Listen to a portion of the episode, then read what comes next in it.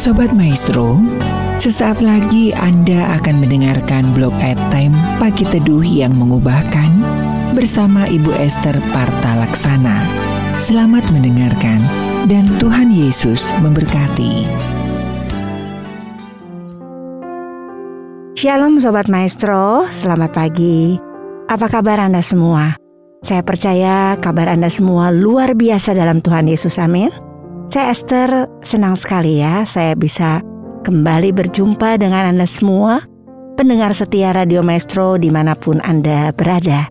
Saya sangat bersyukur dan satu kehormatan buat saya kalau pagi hari ini saya kembali bisa melayani melalui Radio Maestro dalam acara Pagi Teduh yang mengubahkan. Sobat Maestro, sebelum saya menyampaikan renungan singkat pagi hari ini, mari ya kita satukan hati terlebih dahulu di dalam doa. Mari kita berdoa. Tuhan Yesus yang baik, kami bersyukur kalau pagi hari ini kami masih diberi kesempatan untuk bisa bangun dari tidur dan kembali dapat beraktivitas seperti biasanya. Semua itu karena kebaikan Tuhan. Tuhan, pagi hari ini kami mau fokus dan mengawali hari dengan mendengarkan apa yang menjadi pesan-pesanmu. Kami percaya ada sesuatu yang pasti akan mengubahkan sikap hati kami Berbicaralah atas setiap kami melalui hambamu Tuhan. Pakai mulut lidah hambamu ini untuk bisa jadi berkat yang menguatkan dan membawa perubahan bagi setiap yang mendengar. Terima kasih Tuhan Yesus, terpujilah namamu. Haleluya. Amin. Sobat Maestro, seperti kita ketahui ya, selama dua tahun lebih ini, kita mengalami yang namanya pandemi COVID-19. Begitu luas dampak yang diakibatkan dari pandemi ini kita merasakan masa-masa yang sangat-sangat sulit. Orang-orang tiba-tiba kehilangan pekerjaannya, bisnis yang terpuruk, banyak pengusaha gulung tikar, lalu juga banyak yang kehilangan orang-orang yang kita kasihi secara tiba-tiba. Mungkin juga ada yang panik karena rumah sakit-rumah sakit penuh, tenaga medis yang terbatas, apalagi lockdown mungkin yang mengganggu perekonomian, PHK di mana-mana, dan roda perekonomian terhambat. Bahkan banyak juga hamba-hamba Tuhan yang terkena dampaknya karena pelayanan-pelayanan yang terhenti dan dan sebagainya. Dan saat ini mungkin ada dari kita yang sedang mengalami rasa frustasi dengan keadaan ini. Kita sedang merasa sangat menderita, khawatir, ketakutan. Sedang dalam posisi yang dirasa sangat tidak mudah, Sobat Mesro. Keadaan ini dapat membuat seseorang menjadi merasa tidak nyaman dan tidak mudah, atau ada yang merasa berada di dalam tekanan, ya. Tapi sobat maestro, pagi hari ini Tuhan berbicara atas kita semua dan menyatakan kalau kenyamanan dan kemudahan itu akan membentuk kita jadi pribadi yang sebetulnya menjadi pribadi yang lembek, rapuh, gampang putus asa atau mudah menyerah pada keadaan. Tapi sebaliknya tekanan sobat maestro kesulitan proses yang kita alami dan kerap ya sebetulnya ingin kita hindari gitu. Tapi ini justru merupakan berkat terselubung bagi kita. Dalam Mazmur 119 ayat 71 berkata demikian firman Tuhan, bahwa aku tertindas itu baik bagiku, supaya aku belajar ketetapan-ketetapanmu. Daud Sobat Mesro menyadari bahwa dalam tertindas, dalam keadaan tertekan, Justru Daud itu dibawa semakin mendekat kepada Tuhan, berserah kepada Tuhan, dan apa? Dan semakin mencari wajah Tuhan. Amin. Demikian juga dengan kita, Sobat Mesro. Harusnya dalam keadaan kita merasa hidup kita penuh dengan tekanan ini, kita harus seperti Daud. Semakin melekat sama siapa? Sama Tuhan, Sobat Mesro. Roma 8 ayat 28 berkata bahwa Allah turut bekerja dalam segala sesuatu untuk apa? Untuk mendatangkan kebaikan bagi setiap orang yang mengasihi Tuhan. Amin. Nah, sobat Maestro, tanpa ombak dan badai itu tidak akan pernah ada pelaut-pelaut yang tangguh dan handal. Tanpa angin kencang juga tidak akan pernah ada pohon yang menancapkan akarnya ke tanah dengan kuat sobat Maestro. Contohnya pohon korma sobat Maestro ditindas, ditekan, ditindih batu. Justru apa? Justru membuat dia jadi kuat dan bisa menerobos batu di atasnya.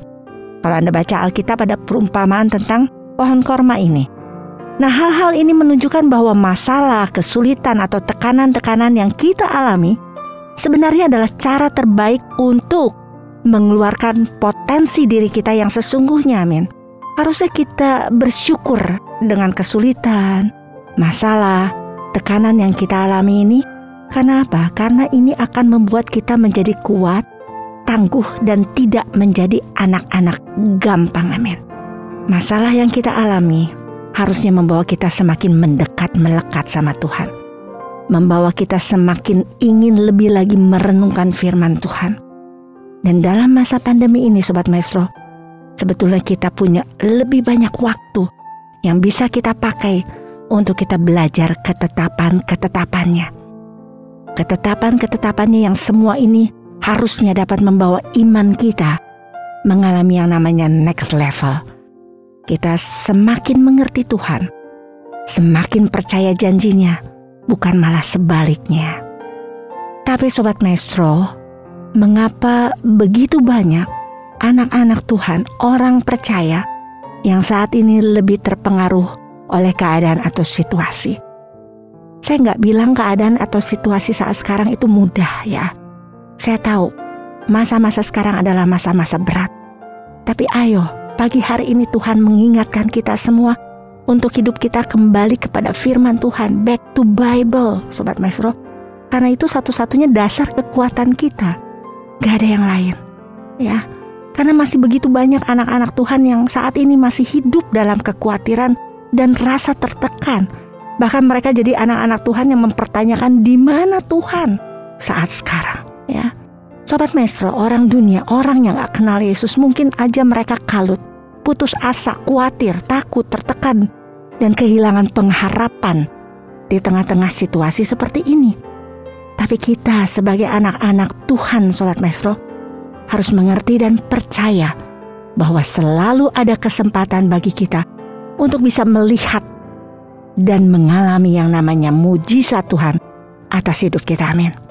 Jadi Sobat Maestro, Jangan gentar ya, karena Roma 8 ayat 37 berkata demikian firman Tuhan. Tetapi dalam semuanya itu kita lebih daripada orang-orang yang menang oleh dia yang telah mengasihi kita. Amin. Lebih daripada orang-orang yang menang. Amin. Itu artinya apa Sobat Mesro? Bahwa ada kepastian bahwa di dalam Tuhan Yesus itu ada harapan. Kita pasti lebih daripada pemenang dalam apa pun yang kita alami. Mengapa? Karena Dia Tuhan kita yang besar, Tuhan kita yang dahsyat yang telah begitu mengasihi kita. Maka tidak ada perkara yang mustahil di dalam Dia. Amin. Dia Tuhan yang mengalahkan kemustahilan dan menjadikan kita lebih daripada para pemenang. Amin. Sobat Maestro, sebagai orang percaya, kita harus mengerti bahwa kita tidak pernah kehilangan yang namanya pengharapan. Begitu banyak janji-janji Tuhan dinyatakan melalui firman-Nya. Janji-janjinya yang iya dan amin Sobat Maestro. Yang gak pernah Tuhan ingkari. Itu semua sumber pengharapan kita. Sesuatu yang pasti amin. Orang yang mengerti bahwa di dalam Yesus ada pengharapan yang pasti, maka dia akan dapat bertahan di tengah-tengah masalah yang dialaminya. Di tengah penderitaan, di tengah proses yang dialaminya amin. Ibrani 10 ayat 3 berkata demikian firman Tuhan. Marilah kita teguh berpegang pada pengakuan tentang pengharapan kita. Sebab ia yang menjanjikannya setia. Nah Sobat Mesro, kata pengharapan di sini dalam terjemahan bahasa Inggrisnya itu hope. Dan dalam bahasa asli, bahasa Yunaninya, itu disebutnya elpis, bukan elvis ya Sobat Mesro. Elpis yang artinya apa? Yang artinya menantikan yang baik atau juga pengharapan orang percaya. Bukan pengharapan orang dunia Sobat Maestro, tapi pengharapan orang percaya yaitu a Bible hope, not human hope ya. Pengharapan orang percaya itu Sobat Maestro berbicara good future. Ya, jadi elpis ini definisinya adalah in the Christian sense is a joyful atau sukacita and confident expectation of good jadi apa? Confident, um, berharap, berharap sesuatu yang baik, pengharapan akan sesuatu yang baik. Jadi kita mempunyai keyakinan Sobat Maestro bahwa segala sesuatu yang baik akan digenapi dalam hidup kita sepanjang tahun ini, sepanjang hidup kita. Amin. Ya berbeda dengan orang-orang yang di luar di luar Tuhan Yesus, mereka yang nggak percaya Yesus. Orang dunia kan hanya berkata-kata mudah-mudahan, biasanya I hope so, maybe gitu kan. Mudah-mudahan Tuhan tolong saya, semoga ada jalan keluar. Tapi berbeda dengan pengharapan orang percaya. Kita harus mengerti bahwa segala sesuatu yang baik itu terjadi dalam hidup kita, amin. Percaya pada janjinya sebab kita tahu bahwa dia Tuhan yang setia memegang janjinya. Jadi nggak ada kata semoga, nggak ada kata I hope, maybe, nggak. Ada kepastian di dalam Tuhan Yesus, amin. Sobat Maestro, uh, Anda ingat nggak kisah wanita yang sakit pendarahan 12 tahun? Ya, awalnya tuh dia hanya mendengar berita-berita tentang Yesus, cuma dengar Sobat Maestro. Tapi dalam hatinya dia menaruh harapan kalau nanti nih ketemu Yesus dengan jamah ujung jumbai jubah Yesus aja dia percaya dia bisa sembuh gitu. Nah ini yang namanya pengharapan orang percaya Sobat Maestro. Ketika dia menaruh harapannya pada Tuhan, maka imannya itu bangkit. Dia kan percaya Tuhan Yesus bisa menyembuhkan, berarti kan dia punya iman ya. Terus dia juga menaruh harapannya sama Tuhan Yesus, maka imannya tuh bangkit Sobat Maestro. Itu sebabnya kita harus bisa membedakan pengharapan orang percaya dengan pengharapan orang dunia. Ya, wishful thinking gitu. Orang dunia belum belum menerima keselamatan, uh, sobat Maestro, belum ngerti kebenaran. Tapi kita sebagai orang-orang yang sudah mengerti kebenaran, berarti kita harus lakukan yang benar. Amin. Ibrani 11 ayat 1 berkata iman adalah dasar dari segala sesuatu yang kita harapkan dan bukti dari segala sesuatu yang tidak kita lihat. Amin. Nah sobat maestro perhatikan baik-baik. Kalau kita tidak punya yang namanya hope, pengharapan, maka tidak akan ada iman yang bekerja di dalamnya. Nah, masuk tahun ini dan tahun-tahun kehidupan kita ke depannya, bangkitkan pengharapan kita, amin. Hidup kita tidak tergantung dari apa kata dunia, Sobat Maestro, tapi dari apa kata firman Tuhan, amin. Nah, Sobat Maestro, tadi saya bahas uh, kata pengharapan dalam bahasa uh, Yunani ya, tapi ini ada pengertian juga dalam bahasa Ibraninya. Kata pengharapan itu ditulis mikveh, yang artinya sangat menantikan dan mengumpulkan. Ya Sobat Pestro bukan hanya menantikan loh, tapi sangat menantikan. Dan yang menarik, kata pengharapan diterjemahkan itu mengumpulkan juga. Di dalam Filipi 4 ayat 8 dikatakan demikian firman Tuhan, pikirkanlah, pikirkanlah tuh artinya dikumpulkan gitu di pikiran kita. Semua yang benar, mulia, adil, suci, manis, sedap didengar, yang disebut kebajikan dan patut dipuji. Amin. Nah, sobat maestro, jadi kita mengerti ya kalau hal-hal itu harus ada di dalam orang-orang yang mengerti bahwa di dalam pengharapan dalam Tuhan Yesus itu adalah punya kepastian. Jadi hal itu yang harus kita pikirkan, yang harus kita kumpulkan dalam pikiran kita. Amin. Ya. Lalu saya mau bahas dalam Ibrani 6 ayat 19 sampai 20 sobat maestro. Di sini firman Tuhan mengatakan bahwa pengharapan itu adalah sauh yang kuat dan aman bagi jiwa kita yang telah dilabuhkan sampai ke belakang tabir di mana Yesus telah masuk sebagai perintis bagi kita ketika ia menurut peraturan Melkisedek menjadi imam besar sampai selama-lamanya amin. Nah Sobat Maestro, berdasarkan kutipan firman Tuhan dari Ibrani 6 ayat 19 sampai 20 ini, maka ada beberapa poin, beberapa hal yang bisa kita pahami tentang pengharapan menurut Alkitab ya. Pagi hari ini saya akan berikan beberapa poin atau beberapa hal. Yang pertama, berdasarkan ayat yang tadi saya sebutkan ya. Yang pertama, di situ dinyatakan dan jelas kita bisa baca bahwa pengharapan adalah sauh yang kuat. Sobat Mesro, sauh itu jangkar ya itu digunakan supaya perahu atau kapal itu tidak terbawa tiupan angin, gelombang, atau badai di tengah laut. Itu artinya apa Sobat Mesro? Bahwa di tengah-tengah masalah yang sedang terjadi, setiap orang itu membutuhkan pengharapan supaya hidupnya tidak terombang-ambingkan arus masalah. Pengharapan adalah sauh atau jangkar. Jadi artinya ini apa? Berarti membuat kita itu terkait pada sesuatu yang kuat, yang stabil, yang kokoh, Dan dalam hal ini semua itu adalah janji-janji Tuhan melalui apa? Melalui firman-Nya dalam hidup kita. Amin. Hal ini yang membuat kita harusnya bisa teguh bertahan di tengah badai hidup yang sedang kita alami. Apa pun yang kita alami, ingat, jangkar kita harus ditambatkan pada sesuatu yang kuat, pada sesuatu yang stabil dan kokoh. Amin. Lalu yang kedua, pengharapan adalah sauh yang kuat dan aman bagi jiwa kita. Nah, sobat Mesro, pengharapan ini memberikan apa? ketenangan dan kenyamanan serta keamanan bagi jiwa kita. Amin. Di dalam jiwa itu kan ada keinginan, ada kehendak, ada pikiran. Nah, ini sobat Mesro yang kadang jiwa kita itu masih up and down gitu. Kadang percaya, kadang khawatir. Itu sebabnya sobat Mesro jiwa kita perlu terkait dengan sesuatu yang stabil, yang kokoh, yaitu kepada siapa? Kepada Yesus, batu karang yang teguh. Kalau kita mengerti bahwa di dalam Yesus itu ada pengharapan yang pasti, maka jiwa kita itu pasti akan tetap tenang, sekalipun di tengah badai hidup. Amin. Nah, sobat maestro, hari ini atau saat ini, kalau ada dari kita yang masih seperti ini, up and down, up and down gitu ya, nanti percaya, nanti enggak, nanti khawatir, nanti enggak berarti kita sedang tidak melabuhkan sauh kita kepada sesuatu yang kokoh, sehingga jiwa kita masih bisa dipengaruhi oleh keadaan dan situasi kita saat ini. Berarti kita harus cek dan recheck bagaimana keadaan jiwa kita saat ini. Dilabuhkan pada sesuatu yang kokoh atau tidak ya.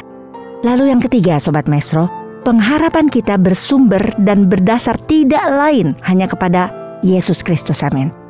Dalam 1 Timotius 1 ayat 1 demikian firman Tuhan berkata, dari Paulus, Rasul Kristus Yesus menurut perintah Allah, Juru Selamat kita, dan Kristus Yesus dasar pengharapan kita.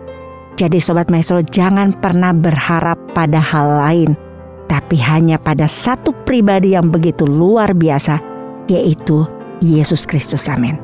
Ya. Lalu ke poin yang keempat, Sobat Maestro, pengharapan kita dijamin oleh Yesus sebagai imam besar kita. Amin. Nah, sobat Mesro, ini tuh sebuah kepastian yang tidak terbantahkan loh. Pribadi yang begitu luar biasa yang mengasihi kita sampai rela mati bagi kita. Dia itu imam besar kita yang jadi sumber dan dasar pengharapan kita. Amin. Saya berharap dari empat poin ini dapat kembali membawa kita untuk kita bisa kembali merenungkan ya bahwa pengharapan di dalam Tuhan Yesus itu pengharapan yang pasti dan tidak pernah mengecewakan. Amin. Sobat Maestro, sebuah kehidupan yang berlayar tanpa pengharapan tidak akan kuat menahan badai masalah yang sewaktu-waktu menerpa. Sebuah hidup yang tidak punya pengharapan membuat kita terombang-ambing tanpa arah sebuah kehidupan tanpa pengharapan akan membuat kita gampang kecewa dan menyerah Sobat Maestro. Pengharapan yang berfungsi sebagai sauh yang ditambatkan kepada Kristus, Sang Imam Besar, itu akan mampu membuat kita kuat dalam berlayar untuk mengarungi kehidupan. Nah Sobat Maestro, mungkin saat ini Anda sedang mengalami pergumulan ya. Tengah diterpa badai masalah, mengalami krisis dalam berbagai hal. Kalau diibaratkan kapal anda mungkin tengah bertemu dengan ombak tinggi, angin kencang, disertai badai yang menggelora gitu. Itu bisa terjadi sama siapa aja Sobat Mesro. Tapi sesusah-susahnya kita saat ini selama kita masih punya pengharapan, maka jiwa dan roh kita akan senantiasa kuat dan aman. Amin.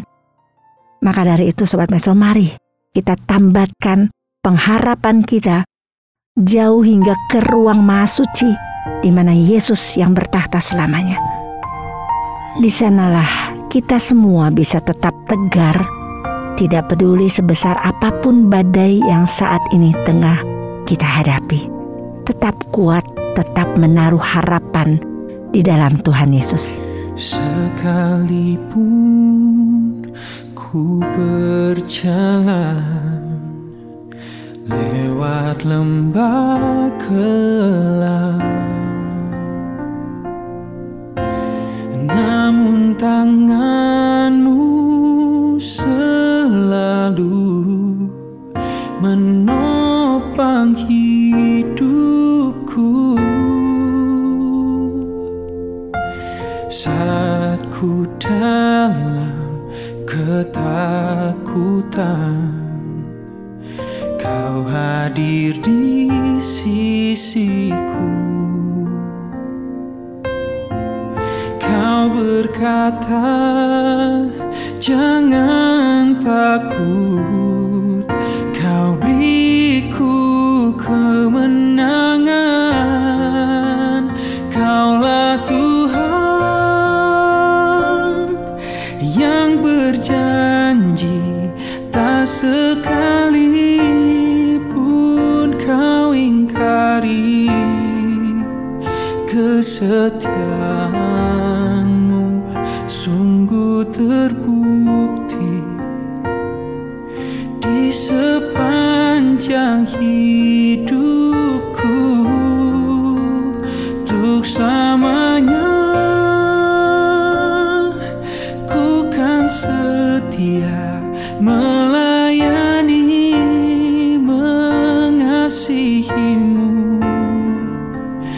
Tiada Tuhan sepertimu Yesus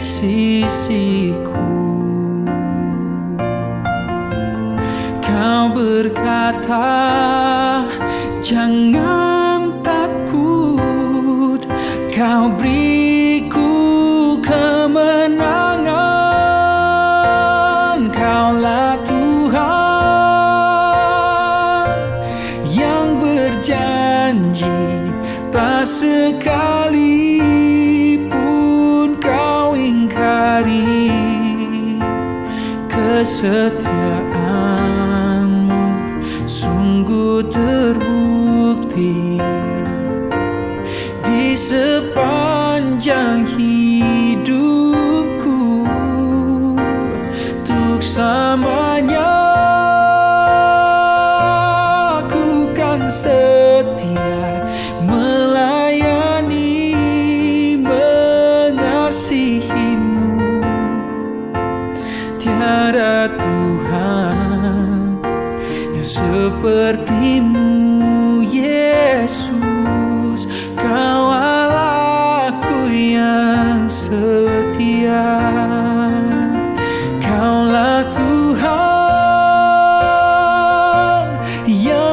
berjanji Tak sekalipun kau ingkari Kesetiaanmu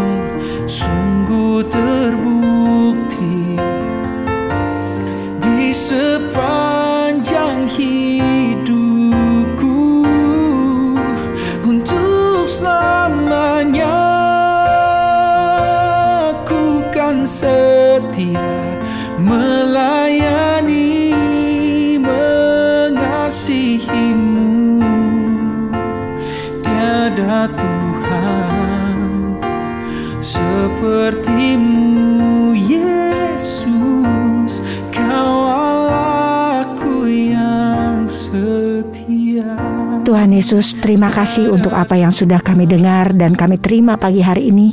Kami semakin dikuatkan bahwa di dalam Yesus itu selalu ada pengharapan yang tidak pernah mengecewakan. Ampuni kami Tuhan karena sering kali apa yang kami alami, masalah, proses, sering membuat kami mempertanyakan Tuhan. Seharusnya semua itu membuat kami bisa semakin mendekat, semakin melekat sama Tuhan, sehingga kami semua bisa mengalami janji-janjimu. Hamba berdoa saat ini juga Tuhan jamah setiap pribadi di mana pun mereka berada, setiap pribadi yang mendengarkan pagi hari ini. Mereka mengalami kekuatan, kesembuhan, pemulihan di dalam Tuhan Yesus dan jadi pribadi yang semakin melekatkan diri pada Tuhan. Terima kasih Tuhan Yesus hambamu sudah selesai pagi hari ini. Terima kasih buat semuanya. Terpujilah namamu dahulu sekarang sampai selama-lamanya. Yang diberkati Tuhan kita katakan bersama-sama. Amin. Tiada Tuhan sepertimu Yesus Kau Allahku yang setia Sobat Maestro, Anda baru saja mendengarkan blog airtime Pagi Teduh yang mengubahkan bersama Ibu Esther Partalaksana. Terima kasih untuk kebersamaan Anda. Tuhan Yesus memberkati.